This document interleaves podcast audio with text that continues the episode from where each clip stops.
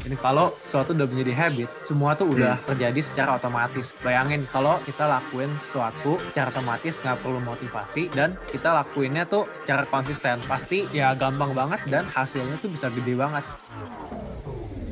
otak kita tuh suka reward yang cepat short term reward jadi kalau kelamaan kita bosen dan kita jadi semakin males jadi yang kita bisa lakukan adalah mempermudah itu supaya kita bisa membuat good habit yang baru mulai dengan perubahan yang kecil-kecil setiap hari Hai guys, balik lagi di Dermaga Bros Podcast sama gue Bertrand. Dan gue Galvin, Dan di episode 4 kali ini kita akan bahas tentang habits atau kebiasaan. How to create good habits and change bad habits. ya habits itu penting banget di kehidupan kita dan makanya kita mau bahas di episode kali ini. Nah, kan udah baca The Power of Habits. Dan gue udah Hmm. baca Atomic Habits. Cobalah Hmm. kita share apa yang kita udah belajar dari buku itu dan gimana supaya kita bisa gunain habits untuk berbagai macam hal. Hmm. Coba kalau dari lu, lu belajar tentang apa di situ? Nah, menurut gue dulu ya nih ya, di hidup kita tuh kita dibangun dari habits atau kebiasaan-kebiasaan kita. Dan karena kalau sesuatu udah menjadi habit, berarti kita akan lakuin itu secara konsisten kan. Dan karena itulah baru kita berasa ada hasil-hasil yang kita dapetin dari habits kita. Karena kalau kita lakuinnya jarang-jarang ya nggak ada hasilnya. Tapi kalau kita konsisten baru ada hasil. Yoi, consistency of intensity kan, yang dulu kita bahas. Jadi yang belum nonton episode Oke. 2 tentang time management, eh, di situ kita ngomongin consistency over intensity. Jadi yang belum nonton, langsung aja nonton. Oke, lanjut. Oke, ya jadi konsistensi itulah yang membuat sesuatu hal jadi ada hasilnya.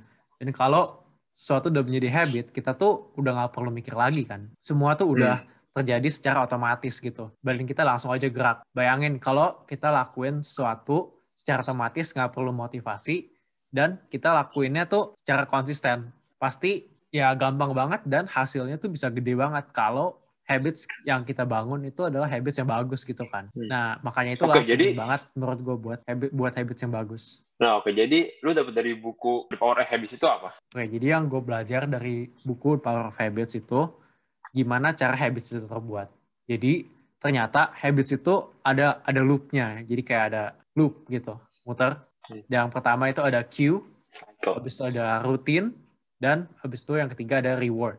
Jadi loopnya itu cue, routine, dan reward.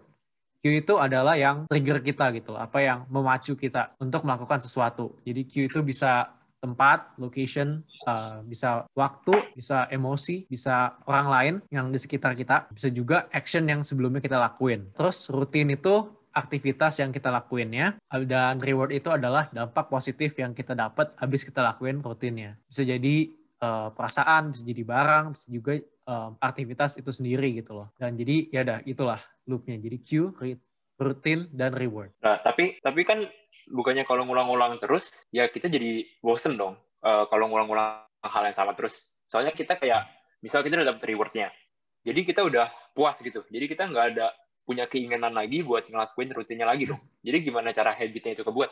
Nah, itu itu tuh kalau awal-awal doang. Jadi misalnya kalau sebelum habit itu terbuat, jadi kita merasa excited while waktu kita dapat rewardnya kan. Jadi misalnya ada cue tuh dan terus kita lakuin. Tapi kita belum excited karena kita belum dapat reward gitu. Pas kita dapat rewardnya kita rasain dampak positifnya atau reward apa pun yang kita set sebagai reward, baru kita jadi exci- excited. Tapi kalau lama-lama kita ulang terus, jadi um, ada cue dan rutin dan kita dapat rewardnya, diulang-ulang hal yang sama itu terus, lama-lama otak kita itu udah expect bakal dapat reward pas kita dapat cue-nya gitu loh. Jadi belum belum ngelakuin rutinnya, belum ngelakuin belum dapat rewardnya, udah excited duluan. Gara-gara excited itulah, jadi kita punya keinginan, punya craving untuk gimana pun caranya harus dapat reward itu. Dan ya caranya ya caranya ngelakuin rutinnya itu loh untuk dapetin rewardnya. Nah itu dia Oh. kenapa loopnya itu nyambung. Jadi gara-gara craving. Oh, jadi jadi ada cue, rutin, reward, habis itu ada craving supaya kita bisa Hmm. bisa ada cue-nya lagi, terus bisa rutin lagi kan? Mm-mm, betul. Oke oke oke. Udah ngerti belum guys? Kalau belum ngerti, lu bisa komen di bawah atau DM IG kita @dermaga_bros. Yoi. Oke oke. Nah sekarang udah ngerti gimana terbentuknya habit loop ini dan baru kita bisa apply ke kehidupan kita. Bisa buat diri sendiri, misalnya kalau kita mau buat habit yang baru, atau kita juga bisa ilangin bad habits kita ganti ke habit uh, new good habits atau juga bisa juga kita lihat dari habit-habit orang lain dan bisa menjadi peluang bisnis gitu. Banyak contoh-contoh di buku ini tuh dia gara-gara ngerti habitsnya, jadi dia jual produk yang bisa jadi rewardnya gitu loh. Jadi laku karena kan oh. orang mau rewardnya terus. Jadi kalau gue mau buat habit, gue mau olahraga tiap hari gimana nih? Nah, Ya, jadi misalnya kan kita mau buat habit baru nih misalnya. Misalnya olahraga gitu kan supaya sehat. Ya kita bisa misalnya kita harus plan buat cue-nya yang bisa kita ingat supaya olahraga gitu loh. Misalnya dulu kan kita sering tuh uh, apa olahraga sebelum kita mandi kan. Habis pulang sekolah sebelum mandi kita workout dulu lah di depan kamar mandi di, di rumah gitu doang kan. Dan habis itu baru mandi. Dan itulah uh, ya jadi kan kita ada cue-nya tuh sebelum mau mandi olahraga. Terus rutinnya olahraga dan kita dapat rewardnya ya kita senang karena kan kita juga lihat hasilnya kita berasa sehat. Jadi kita rewardnya ya aktivitasnya itu sendiri gitu loh. Ya kita olahraga kita senang uh, makanya jadi jadi habit mandi. itu Iya. Jadi mandinya apa? Mandinya ya mandinya Q-nya apa? Enggak. Iya. sebelum mandinya itu jadi Q-nya okay. gitu. Oke, okay. terus Oh, okay. Misalnya kalau bad habit dan semua orang kan punya tuh bad habit pasti kan. Dan kita mau ilangin dong pasti. Tapi di buku ini tuh dia bilang uh, bad habits uh, habit itu nggak bisa diilangin, tapi bisa diganti. Caranya pakai cue yang sama, pakai reward yang sama, tapi rutinnya doang yang diganti. Jadi misalnya pagi-pagi tiap kali bangun tuh kita main HP, buka Instagram lah, YouTube, TikTok, karena masih uh, mager gitu kan, nggak mau nggak mau bangun, hmm. masih hmm. mau lamaan di ranjang sedikit. Dan kita mau ubah itu, gimana caranya supaya pagi-pagi bisa produktif. Di buku ini tuh dijelasin, ada frameworknya gitu loh, ada empat langkah. Pertama, identify the routine. Jadi kita harus uh, cari tahu rutinnya itu apa yang mau diganti kan. Dan ini biasanya paling gampang. Ya, di contoh ini kayak rutinnya cuman buka sosial media yang sering akhirnya kebablasan sampai akhirnya lama banget diranjang gitu kan. Iya. Yeah. banget. So yang itu kayaknya uh, banyak orang yang lakuin kan. Iya, yeah, betul. Dan yang kedua, step kedua itu eksperimen with rewards. Jadi kita harus coba-coba rewards-nya apa sih yang kita mau, itu apa yang kita crave. Karena kan kita crave rewards-nya dong. Jadi kita harus cari tahu apa hmm. uh, apa yang kita crave. Apakah itu main sosial medianya yang bikin kita seneng atau kita cuman mau supaya lebih lama doang diranjang gitu kan karena kita masih masih agak ngantuk-ngantuk gitu. Hmm. Dan kalau di case ini ya sebenarnya kita cuman mau diranjang doang, main HP-nya itu nggak terlalu penting, bukan rewards-nya gitu loh. Rewards-nya kita bisa lebih lama diranjang sedikit gitu kan sampai kita benar-benar bangun gitu. Nah, habis itu yang ketiga caranya isolate the queue. Jadi kita harus cari tahu Q-nya itu apa. Uh, dan kita cara tahu Q-nya itu dengan ada lima pertanyaan. Karena Q itu kan antara tempat, waktu, emosi kita atau orang, ada siapa aja di sekitar, dan um, sebelumnya tuh kita ngapain. Jadi pertanyaannya yang harus kita tanya ya, kita lagi di mana, terus sekarang jam berapa, itu apa yang lagi kita rasain, emosi kita, habis itu siapa aja yang di sekitar kita, dan kita lagi ngapain sebelumnya. Dan tanya ke pertanyaan lima pertanyaan ini setiap kali kita muncul cravingnya gitu kan. Kita melakukan habit itu. Hmm. Jadi kita tanya setiap kali dan kita lihatlah patternnya apa yang sama setiap kali kita tanya pertanyaan-pertanyaan ini. Dan itulah bisa jadi kemungkinan besar itu Q-nya gitu loh, yang jawabannya kurang lebih sama terus setiap kali kita tanya pertanyaan ini. Dan misalnya untuk di contoh ini ya lumayan jelas kan, Q-nya itu emosi kita gitu kita masih merasa masih mager dan mau diranjang doang lebih lama sedikit. Nah, cara keempat itu harus have a plan gitu loh. Jadi kita harus buat plan secara detail, view-nya apa kita udah tahu, rutinnya apa yang mau kita ganti, dari apa kita mau ganti jadi apa, dan tulisin apa rewardnya yang bakal kita dapetin gitu. Jadi misal untuk contoh ini, kita habis bangun tidur Q-nya. Kita merasa mager gitu kan, masih masih mau diranjang sedikit lagi. Terus kita ganti apa yang kita bisa lakuin selain main sosial media gitu kan. Ya bisa aja kita di HP, misalnya contohnya gua gitu, di HP tetap nggak apa-apa, tapi bukan main sosial media. Gua siapin uh, material buat misalnya buat bikin podcast ini gitu lah. Gue ketik-ketik aja gitu kan. Karena untuk contoh ini dan untuk alasan gue sendiri ya gue baca gitu kan dari Why We Sleep kalau kita habis tidur baru bangun tidur itu pun otak kita masih kreatif gitu kan karena biasanya kita tuh mimpi di akhir-akhir kita sebelum bangun akhir-akhir kita tidur mm-hmm. dan biasa otak kita itu masih di dalam um, yang masih kreatif lah gitu masih habis bikin mimpi gitu kan jadi otak kita masih bikin kreatif terus. Uh, jadi ya bagus buat kita tuh menghasil, uh, buat sesuatu yang menghasilkan sesuatu secara kreatif gitu ya. Gue ini di sini gitu, gue nulis kan, ketik uh, material untuk podcast gitu misalnya. Jadi gitulah, bikin plan yang spesifik. Iya tapi ya berarti ini kita harus bikin plan dulu dong. Jangan kayak kejadian baru mikir apa dong. Jadi harus sebelum sebelum itu kejadian udah harus bikin plan dulu kan. Iya, kalau kita udah uh, tahu tiga step sebelumnya, kita udah tahu uh, rutinnya apa, cue-nya apa, reward-nya apa. Ya, habis itu kita bikin plan dong. Kan kita udah tahu semuanya. Kita bikin plan mau ganti gimana kalau ada cue-nya ini lagi gitu. Mm -hmm. Nah, kita habis belajar habit ini bisa diubah aja itu nggak cukup kita harus percaya kalau habit itu bisa diubah. Dan biasanya kita bisa lebih percaya itu kalau kita melakukan sesuatu secara sama-sama sama orang lain gitu. At least berdua lah ya. Jadi ya bisa aja bisa sebagai accountability partner kayak kita lagi ngelakuin podcast ini gitu kan. Atau juga misalnya kalau yang iya. satu berhasil ganti habitnya, ya berarti yang satu ini satu lagi bakal percaya dong kalau wah ini dia bisa, berarti gue juga bisa gitu. Jadi hmm bisa saling memotivasi lah gitu. Terus dari buku ini juga gue belajar kalau ada tuh yang namanya keystone habit. Apa sih keystone habit? Jadi keystone habit itu adalah sesuatu habit yang menghasilkan habit-habit yang lainnya. Dan keystone habit ini makanya ini kuat banget ya, very powerful karena misalnya kalau ada keystone habit yang bagus berarti mereka berarti itu bakal menghasilkan habit-habit yang bagus dong. Tapi bisa juga bahaya banget kalau keystone habit ini adalah keystone habit yang buruk. Jadinya menghasilkan habit-habit buruk lainnya gitu dong. Maka itu, itu kita harus buat uh, habit yang bagus gitu. Keystone habit yang bagus itu apa? Misalnya contoh aja yang gampang itu misalnya bangun pagi. Menurut gue itu bagus karena misalnya kalau gue bangun pagi-pagi enak uh, semuanya masih sepi dan gue bisa fokus gitu kan. Gue bisa kerja cepat dan bisa selesaiin dengan cepat. Jadi siang-siang gue udah selesai apa yang gue benar-benar butuh lakuin untuk hari itu. Jadi sore-sore misalnya gue bisa uh, workout atau bisa apa. Dan itu kan habit yang bagus dong workout. Dan gara-gara workout uh, gue mau makan makan sehat gitu kan. Jadi ya gue mau hidup sehat gara-gara workout dong. Karena kalau udah workout tapi makanannya tetap berantakan tetap uh, kurang berasa lah hasilnya. Dan jadinya gue makan sehat. Itu habit yang bagus lagi. Habis itu gara-gara gue mau bangun pagi juga gue harus tidur lebih cepet dong dan cara tidur lebih cepet ya kurangin uh, waktu lihat layar sebelum tidur dan beberapa jam sebelum tidur. Dan itu juga habit yang bagus untuk kurangin ngeliatin layar HP atau laptop atau apa pun. Itulah contoh kisah habit yang bagus gitu. Menurut gue oh, iya, berarti kita benar. Iya, kenapa? Penting Kalau... banget untuk buat kisah habit yang bagus. Iya, jadi kita harus emang buat yang bagus kan, bukan yang buat yang jelek. Karena emang hmm. ya itu yang dari awal kita mau buat habit yang bagus, bukan yang jelek kan. Betul.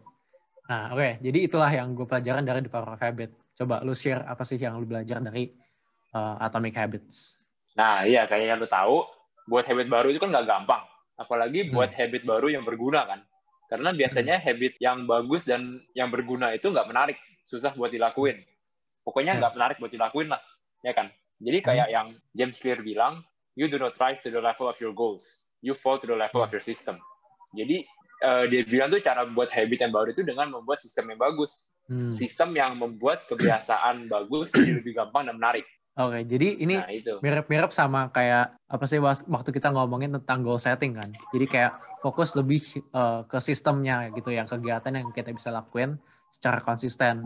Jadi artinya buat habit yang bagus untuk mencapai tujuan kita kan. Nah iya, karena bikin habit baru itu susah, apalagi good habit, apalagi kalau kita berubah dengan signifikan kan. Pasti hmm. perubahan itu nggak sustainable. Soalnya kalau perubahannya langsung yang besar gitu, ya kita nggak mungkin kita susah untuk tahan lama ke perubahan itu karena kita kayak nggak nyaman lah atau apalah dan lama-lama kita hmm. akan bosen juga karena hmm, otak kita tuh suka reward yang cepet short term hmm. reward jadi kalau kelamaan kita bosen dan kita jadi semakin males jadi nggak ngelakuin hmm. lagi setelah misalnya satu bulan gitu hmm. nah jadi yang kita bisa lakukan adalah mempermudah itu supaya kita bisa membuat good habit yang baru. Mm-hmm. Pertama, mulai dengan perubahan yang kecil-kecil setiap hari. Jadi nggak langsung banyak, nggak signifikan, tapi dikit-dikit. Ingat, consistency over intensity, ya kan? Hmm. Jadi mendingan hmm. konsisten daripada kayak langsung gede banget, tapi malah nggak sustainable. Jadi caranya itu, lu tentuin satu good habit yang lu mau lakuin.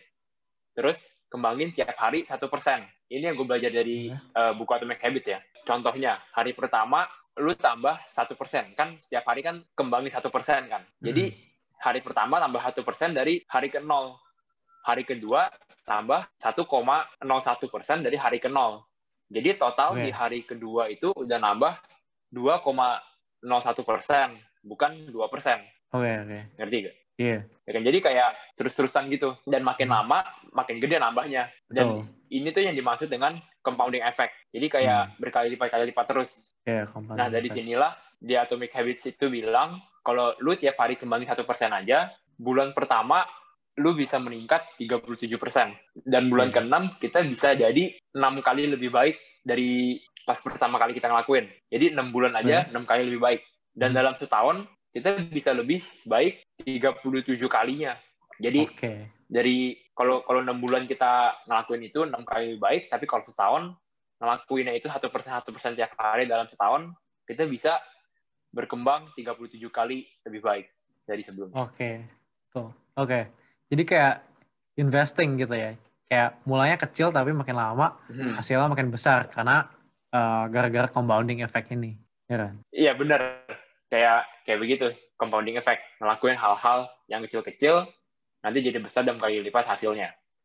Tapi bahkan kadang juga buat ngelakuin hal-hal yang kecil ini kita juga males buat ngebuat itu menjadi long term habit kalau kita nggak ngelihat diri kita di posisi itu.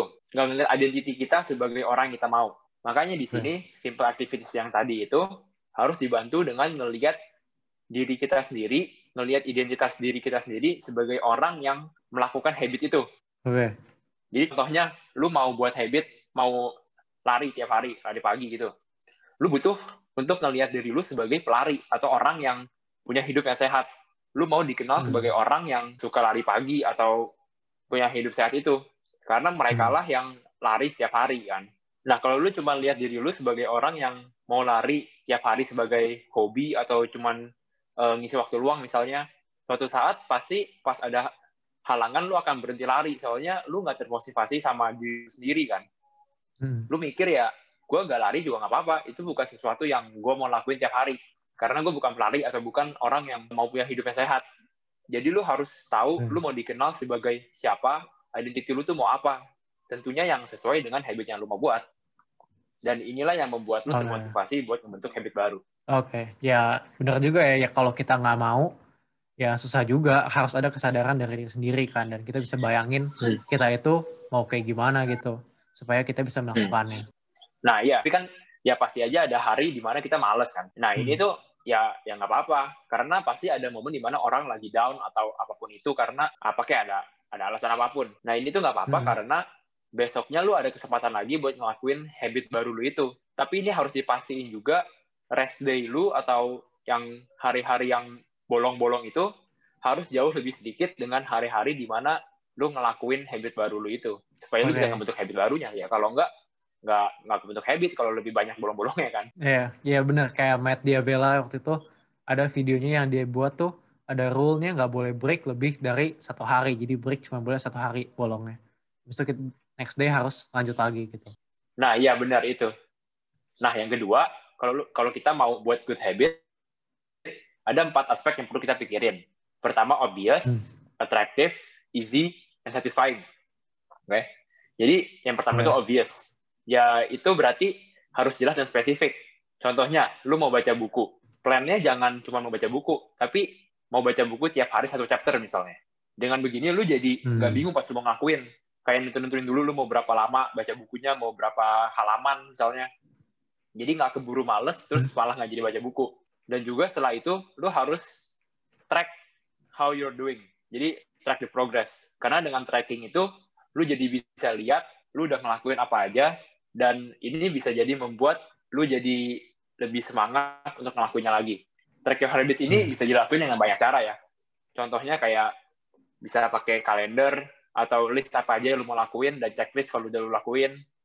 Atau hmm. buat sendiri atau pakai app bisa apa pun. Itu yang penting track the progress. Oke, jadi harus spesifik dan harus bisa di-track progresnya kan. Ya ini sebenarnya hmm. agak mirip kan sama yang kita udah ngomongin di goal setting juga gitu kan. Mirip lah. Yeah. Habit sama. Oh iya. Yeah. Nah, terus yang kedua, atraktif. Jadi, bikin habit itu jadi atraktif. Contohnya dengan membuat habit baca buku itu. Nah, kalau mau baca buku, yang lu mau baca itu harus yang menurut lu atraktif atau membuat sesuatu atau membuat suasana lu pas mau baca buku itu jadi atraktif.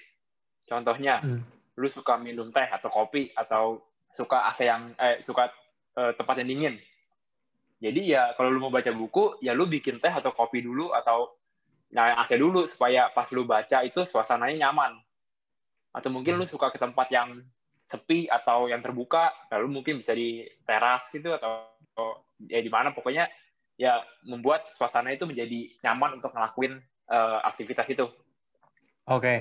ya gue juga pernah dengar nih kayak sesuatu yang nggak biasa atau yang nggak biasa kita lakuin itu atraktif ya dan ganti tempat ini adalah cara satu satu cara yang lumayan simple dan lumayan berguna gitu. Dan misalnya kayak ganti suasana pun itu bisa bantu kita untuk masuk ke state of flow karena uh, kita jadi lebih excited ah, untuk iya. melakukan hal yang kita mau lakuin gitu kan ya yang kayak kita hmm. gue udah pernah bilang kayak waktu itu yang bahas flow uh, ya quality hasilnya bisa lebih bagus dan juga kita ngelakuinnya lebih efektif gitu kan ya, jadi itu lumayan strategi yang lumayan simple dan sangat berguna iya terus uh, buat jadi atraktif juga lu bisa buat perkumpulan atau masuk ke perkumpulan yang bisa mendorong lu buat ngelakuin good habit itu. Misalnya kayak yang lu bilang accountability partner. Contohnya gue sama lu.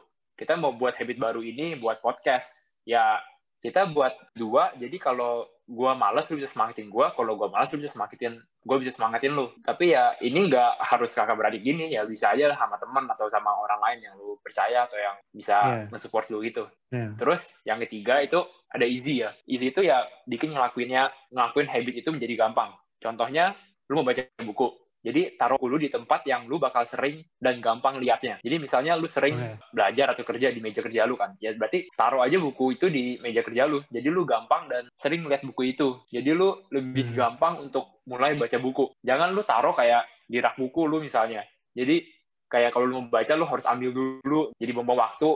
Jadi malas ambil dan malah jadi nggak baca. Iya betul. Jadi gue juga pernah dengar sih ini. Jadi kita remove barrier untuk hal-hal yang kita mau lakuin gitu kan supaya gampang diambil, gampang gampang kita lihat lah. Dan kita juga tambahin barrier-barrier yeah. untuk uh, distractions gitu. Jadi misalnya kayak HP, tambahin barrier kita taruh jauh-jauh atau kayak kita matiin, matiin notification. Iya, pokoknya hindari semua aktivitas yang bisa jadi penghalang buat ngelakuin habit baru hmm. itu. Nah, terus cara buat habit ini jadi gampang juga bisa bikin target seharinya dikit dulu. Hmm. Misalnya pertama-tama lu targetin baca satu chapter. Nah, ini mungkin hmm. lu bisa bikin diri lu tuh males duluan. Jadi, buatlah target kayak cuman misalnya satu atau dua lembar dulu. Nah, hmm. mungkin ya satu atau dua lembar gini kan jadi bisa gampang buat dilakuin kan. Pokoknya bikin jadi lu sangat gampang buat ngelakuinnya. Jadi nggak ada alasan untuk nggak melakukannya. Set a baby steps goal. Ingat, consistency over intensity. Lu nggak mau baca satu chapter, satu, terus besok-besoknya nggak baca lagi. Kayak yang James Clear bilang di bukunya, you should be far more concerned with your current trajectory than with your current result. Jadi walaupun kemajuannya dikit, ya nggak apa-apa. Yang penting hasilnya nanti bisa berkali-kali lipat itu. Kayak yang tadi gue bilang compounding effect. Ya, jadi kan ya gak, jangan gampang give up kalau hasilnya ya tuh belum terlalu kelihatan gitu kan. Dan jangan juga terlalu excited kalau hasilnya udah lagi kelihatan gitu. Jadi terlalu excited, jadi wah udahlah udah cukup. Karena yang paling penting itu ya hasilnya nanti gitu. Kalau kita konsisten. Ya ini juga mirip-mirip lah sama kayak investing. Iya. Oke, okay, yang terakhir itu ada uh, satisfying ya. Otak manusia itu cenderung lebih suka short term reward. Jadi maunya tuh reward yang lu ngelakuin hal dikit, tapi langsung ada rewardnya. Jadi ya bikinlah habit baru lu tuh begitu. Misalnya kalau lu baca, lu baru makan atau nonton atau pergi sama teman atau tidur gitu. Tapi ya jangan buat reward itu malah lu bikin bad habits. Contohnya, habit yang lu mau buat itu lari tiap hari misalnya ya mhm. rewardnya jangan makan kue itu malah bisa jadi bikin bad habit baru nanti malah lu lebih suka makan kuenya daripada larinya jadi lu makan kue dulu baru lari terus habis makan kue malah lu ada alasan kenyang jadi malas lari jadi lu cuma makan kue doang jadi malah itu lu bikin bad habit baru? yeah. Jadi bikin short term rewardnya itu yang berguna juga bagi hidup kita, bukan yang malah buat bad habit baru. Iya benar. Jadi reward itu adalah bagian yang penting dari habit kan kayak yang dijelasin di The Power of Habit. Tapi di Power of Habit itu bilang mungkin juga bisa kita set reward buat mulai dulu habitnya gitu kan. Jadi misal olahraga, mungkin ya nggak makan kue juga, tapi kayak apalah sesuatu gitu yang lu suka untuk memulai habitnya doang gitu, ada rewardnya. Tapi ya lama-lama nanti juga bakal ada reward sendiri dari aktivitasnya gitu. Jadi misal kalau olahraga, ya lama-lama juga lu bakal merasa gitu hasil dari olahraga itu positif dan itu sendiri itu udah jadi rewardnya dan lu gak butuh reward yang lu bikin sendiri. Hmm. Hmm. Nah, jadi kalau mau bikin habit itu ya harus ada empat aspek ini. Obvious, attractive, easy, and satisfying. Yang membuat kita hmm. jadi lebih gampang dan menarik buat dilakuin. Nah, cara ini tapi juga bisa dipakai buat mengubah kebiasaan buruk kita. Bikin kebiasaan buruk kita itu jadi not obvious, not attractive, not easy, and not satisfying. Jadi kayak kebalikannya aja. Jadi membuat hmm kebiasaan buruk itu jadi susah dan nggak menarik untuk dilakukan dan membuat kebiasaan baik yang kita mau jadi lebih gampang dan menarik untuk dilakukan. Oke, jadi bisa juga dipakai buat sebaliknya. Jadi cuma diputar aja ya, cuma 180 derajatnya. Iya, betul. Oke, menarik ya habit dan berguna juga untuk dipakai buat kehidupan sehari kita dan ya berguna lah kita membangun habit yang bagus supaya kita bisa mencapai apa pun yang kita mau capai gitu kan pelan-pelan tapi gara-gara uh, compounding hmm. effect jadi ada hasilnya akhirnya yang lumayan signifikan gitu kan. Oke, mantap episode kali ini. Thank you banget kalau kalian udah dengerin sampai habis. Jangan lupa untuk share ke teman-teman kalian kalau kalian merasa podcast ini bisa berguna untuk teman-teman kalian. Share di story Instagram, di grup WhatsApp, Line, TikTok, di mana-mana. Oke, okay, see you guys in the next episode. Bye-bye. Oke, okay, bye-bye.